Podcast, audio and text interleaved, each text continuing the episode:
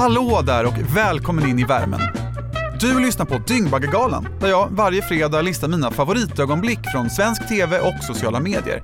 En självutnämnd expert på området kan man säga. Tack vare mitt eh, Instagramkonto med strax över en halv miljon följare där jag under årens lopp har samlat på mig just ögonblick och klipp som jag nu konverterat till både podd och framförallt listformat.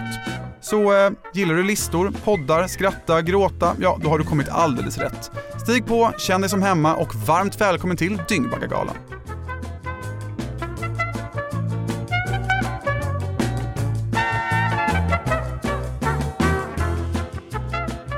Dagens lista så tänkte jag angripa ett ämne som jag var fullkomligt värdelös på i skolan, nämligen geografi och närmare bestämt kommuner. Vi har totalt 290 kommuner i Sverige, från Trelleborg i söder till Kiruna i norr. Av dessa så har jag mer eller mindre omsorgsfullt valt ut ett gäng som jag tycker sticker ut en aning från mängden. Kanske finns här också ett och annat tips för sommarsemestern i Sverige, hur mycket ett ljud kostar och hur många tiggare det bor i Vellinge. Det är också ungefär så här nära som jag någonsin kommer att komma På spåret. Så låt mig därför med varm hand lämna över till mig själv, Leo Vene, och min lista över kommuner. Likt en rad närliggande kommuner i södra Sverige så är man i Vellinge inte riktigt så förtjusta i människor som sticker ut. Varför det är just så där, ehm, det går säkert att göra ett helt avsnitt om, men jag tänkte istället fokusera på ett annat jätteproblem som just Vellinge har. Tiggarna. Vellinge har nämligen jättelika, alltså helt otroligt stora problem med tiggare. Ja, inte nödvändigtvis då de som talar bredskånska och vill dryga ut partikassan med en gåva, utan då snarare kanske de som inte har svenska som första språk och som behöver skramla ihop till, jag vet inte, mat för dagen. Vellinge kommun jublade i alla fall av glädje när man i december 2018 blev den första kommunen i hela Sverige att införa ett tiggeriförbud för att komma till bukt med detta stora problem. Men har det verkligen varit ett så stort problem med tiggare i kommunen? Ja, men problem från och till har det funnits tiggare i kommunen och där finns en del problematik kopplat till det. En del problematik kopplad till det. Ja, enligt lokalpolitikerna alltså. Men vad säger då polisen? Vad ska ni göra nu då? Ska ni åka runt och avhysa de som finns? Ja, alltså problemet är så li litet. Jag tror inte det kommer att bli några stora åthävor utan ber vi någon lämna platsen så kommer de till att göra det. Hur många tiggare finns det i den här kommunen nu tror du? Ja, som jag vet aktiva just nu så är det två stycken. Så för att exemplifiera hur stora Vellinges problem med tiggarna faktiskt är, så kan vi göra en snabb överslagsräkning. Enligt färska siffror från Statistiska centralbyrån så bor det idag ungefär 37 000 människor i Vellinge kommun. Om vi utgår ifrån att det bor 10 miljoner människor i hela Sverige så motsvarar 37 000 0,37 procent av Sveriges totala befolkning. Jag tror att jag fick den siffran rätt. Av dessa 37 000 så är alltså två stycken tiggare. Två av 37 000, ja det motsvarar alltså 0,0054 procent vilket alltså med Vellinge-mått mätt motsvarar ett jätteproblem. Det är väldigt svårt att kriminalisera bort fattigdom faktiskt. Och det är väl ingen slump att man börjar i Vellinge i Skåne. Eh, för de har ju visst rykte när det gäller den där typen av samhälleliga insatser. Mm.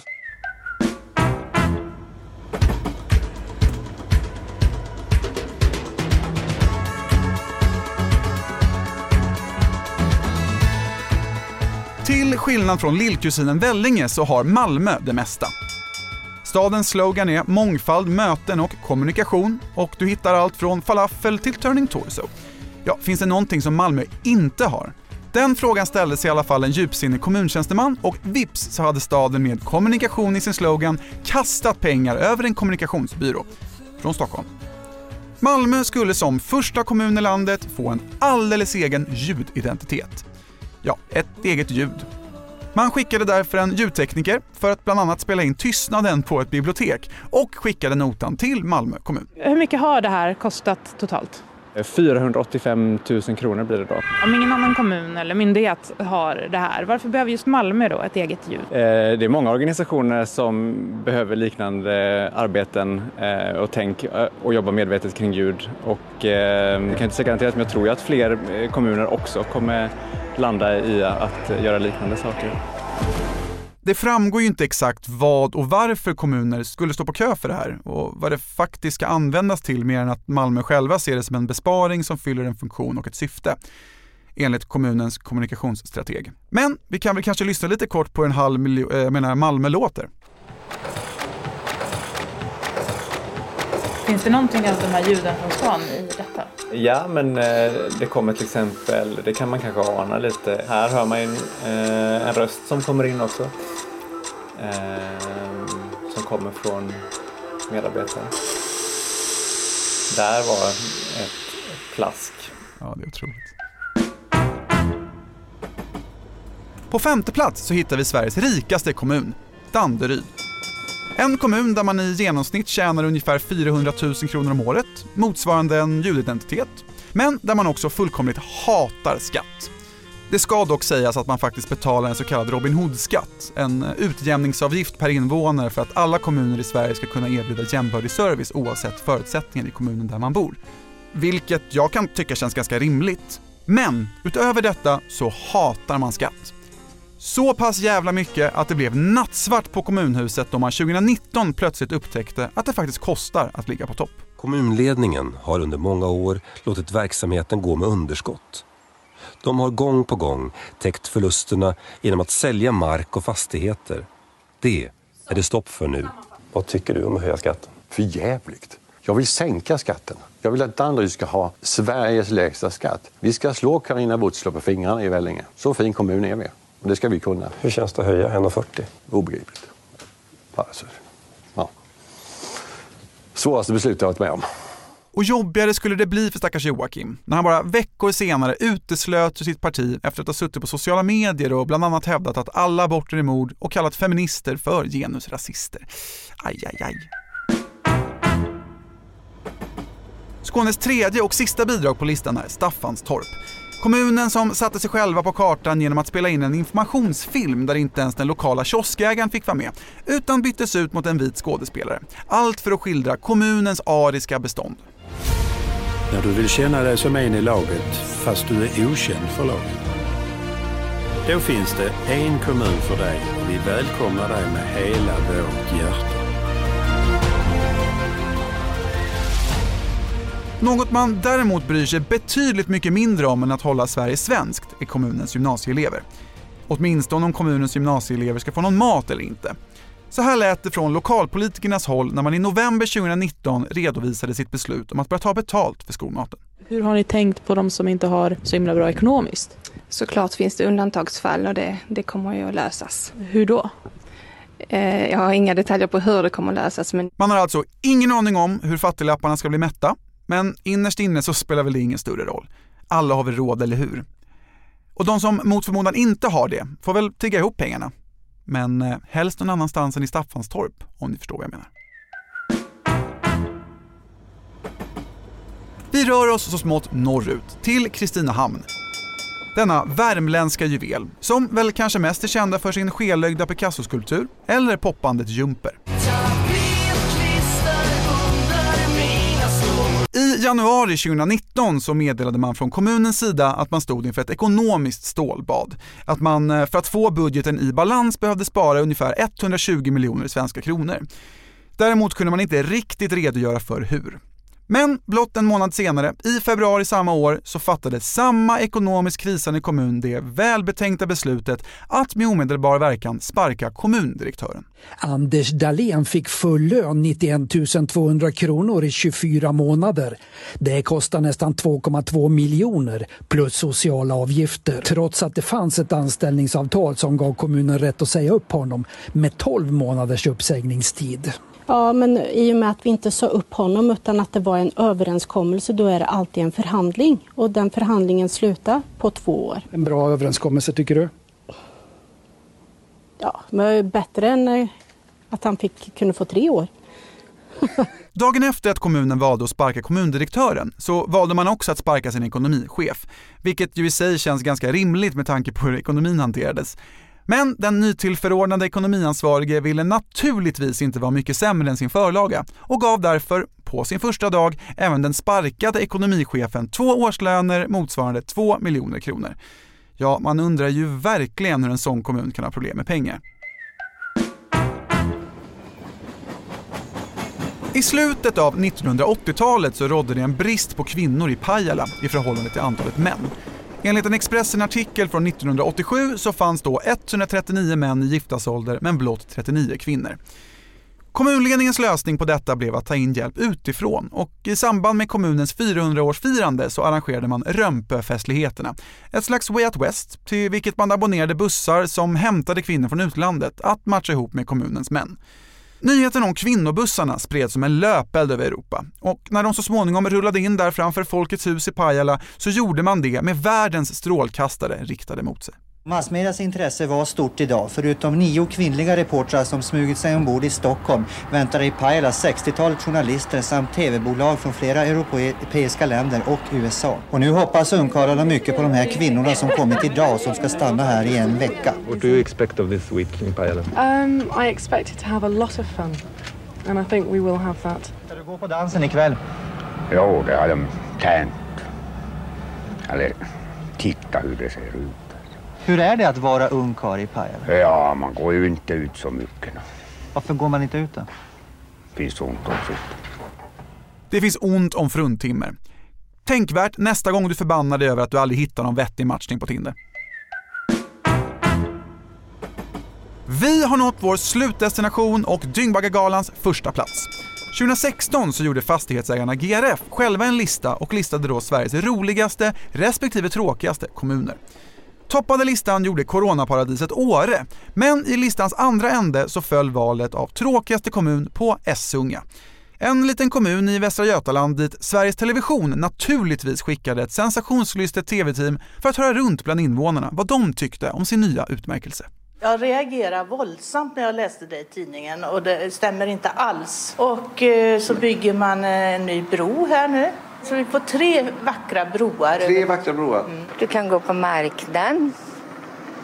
Eh, Ja. Jag är inte ute på kvällarna. Nej. Men det är ju ingen idé i Essunga heller för det finns inget ute. Det finns det då. Vad finns det då? Men det finns ju... Du kan ju åka iväg och sånt. Det behöver inte vara just Essunga. Vad fastighetsägarna däremot inte kände till när listan författades var att det i Essunga också fanns en lokalpolitiker vid namn Mattias. En lokalpolitiker med kontakter utöver det vanliga. Finns det något sätt som ni kan visa att det är visst det är roligt i Essunga? Ja. Kör stridsvagn. Har du gjort det förut? Nej. Så vi göra det då? Det tycker jag ju är väldigt roligt. Köra stridsvagn? Ja, har en snubbe här ute i krokarna. Han har lite stridsvagn. På vilket sätt har det här stridsvagnsåkandet med eh, Essungas nöjesutbud att göra? Det är ju att jag känner någon som har de här grejerna. Ja. Tänker det räcker så behöver inte krångla till. Nej, och varför skulle man krångla till det? Har man en stridsvagn så har man en stridsvagn. Och med de bevingade orden så sätter vi punkt för dagens lista. Men innan vi rundar av så vill jag också passa på att rikta ett särskilt stort tack till min älskade hemstad Stockholm som verkligen tagit coronapandemin på största möjliga allvar. Igår kom ju rekommendationen att stockholmare inte ska åka, lämna Stockholm. Det måste varit efter klockan 14.10 när jag bordade mitt flygplan. Är det för mycket folksamlingar så får man väl hålla andan lite. Har du ändrat några av dina vanor sedan coronaepidemin bröt ut? Nej. Du är inte orolig för coronaviruset? Nej, inte coronaviruset. Det, är, det jag kan vara orolig för det är om det börjar blåsa för hårt. Och ni ger er ut i de här coronatiderna? Ja, det känns väldigt bra, även om väl risken är ungefär kanske lika stor här som när man sitter hemma i, i Täby. Men, men vi hade planerat den här resan och det fanns ingen anledning tyckte vi att ställa in den. Vi åkte faktiskt upp i tisdags för våran son blev hemskickad från skolan och då kände vi då kan vi lika gärna vara här uppe och plugga. Vi golfare behöver ingen vaccin. Jag är inte orolig över att bli smittad eller så, utan så fort jag såg att möjligheten var att vi kan resa så körde jag på. Vart ska ni resa någonstans? Till Italien, Champolik. När det har varit nu inför coronavirus och sånt där, har du varit nervös inför det? Eh, inte jätte faktiskt. Ja, men det känns bra ändå. Jag är inte så rädd. Alltså. Är du nervös inför det här när det gäller corona? Nej, inte alls. Corona time! ja men precis, man skämtar ju ganska mycket om det. Ja, alltså man tar lite extra handsprit för kul. Alltså, Jag tror inte någon med corona är här idag. Det är fortfarande frivilligt om man vill gå till baren eller inte. Du får utsätta dig själv om Alltså, du vill. Lallish, om vi hade haft corona, vi hade ju varit hemma. Är ni oroliga? För vad? Ja, det är mycket människor överallt. Nej, vi är inte oroliga. Det här är ingen oro på det sättet. Vi är optimister. Vi har visserligen två balkonger men eh, det hjälper inte. Vi har två balkonger. Man vill ändå ut. Va? Det är skönt att sitta här nere. Men folk sitter ju rätt nära varandra här ändå. Ja, jag vet inte om de tänker så mycket på det där. Ja, men, förstår inte. Jag, jag tog en extra spruta för säkerhets skull mot lunginflammation. Det är sunt förnuft som gäller. Det finns ju de som säger att man vaccinerar sig inte bara för sin egen skull utan för sin omgivning och de äldre. Hur tänker du kring det? Nej, det, det spelar nog ingen större roll tror jag inte. Nej, det tror jag inte. Nej, det, det, tar jag inte ställning till ännu. Jag tror inte att smittan har kommit hit ännu. Havererade budgetar och påkostade ljud.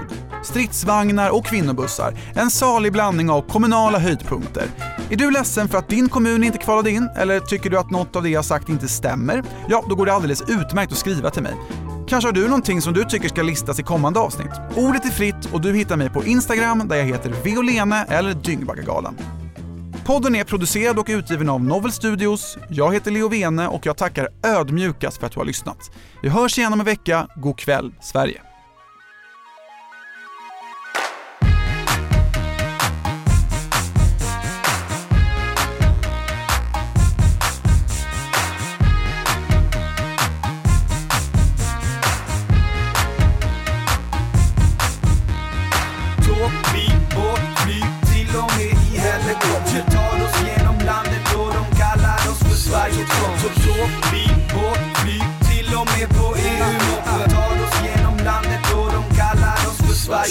Det började i Uppsala stan där vi föddes, där följande uppdrag har sina rötter. Vi satte ribban, vi gigga på Grand, sen packade vi ryggan, drog vidare i landet. En tur upp till Dalarna, Borlänge, Falun. Super som galningar, får vår betalning. Brännvin i kroppen och stämning på topp. Där satte vi noll nummer två på vår karta.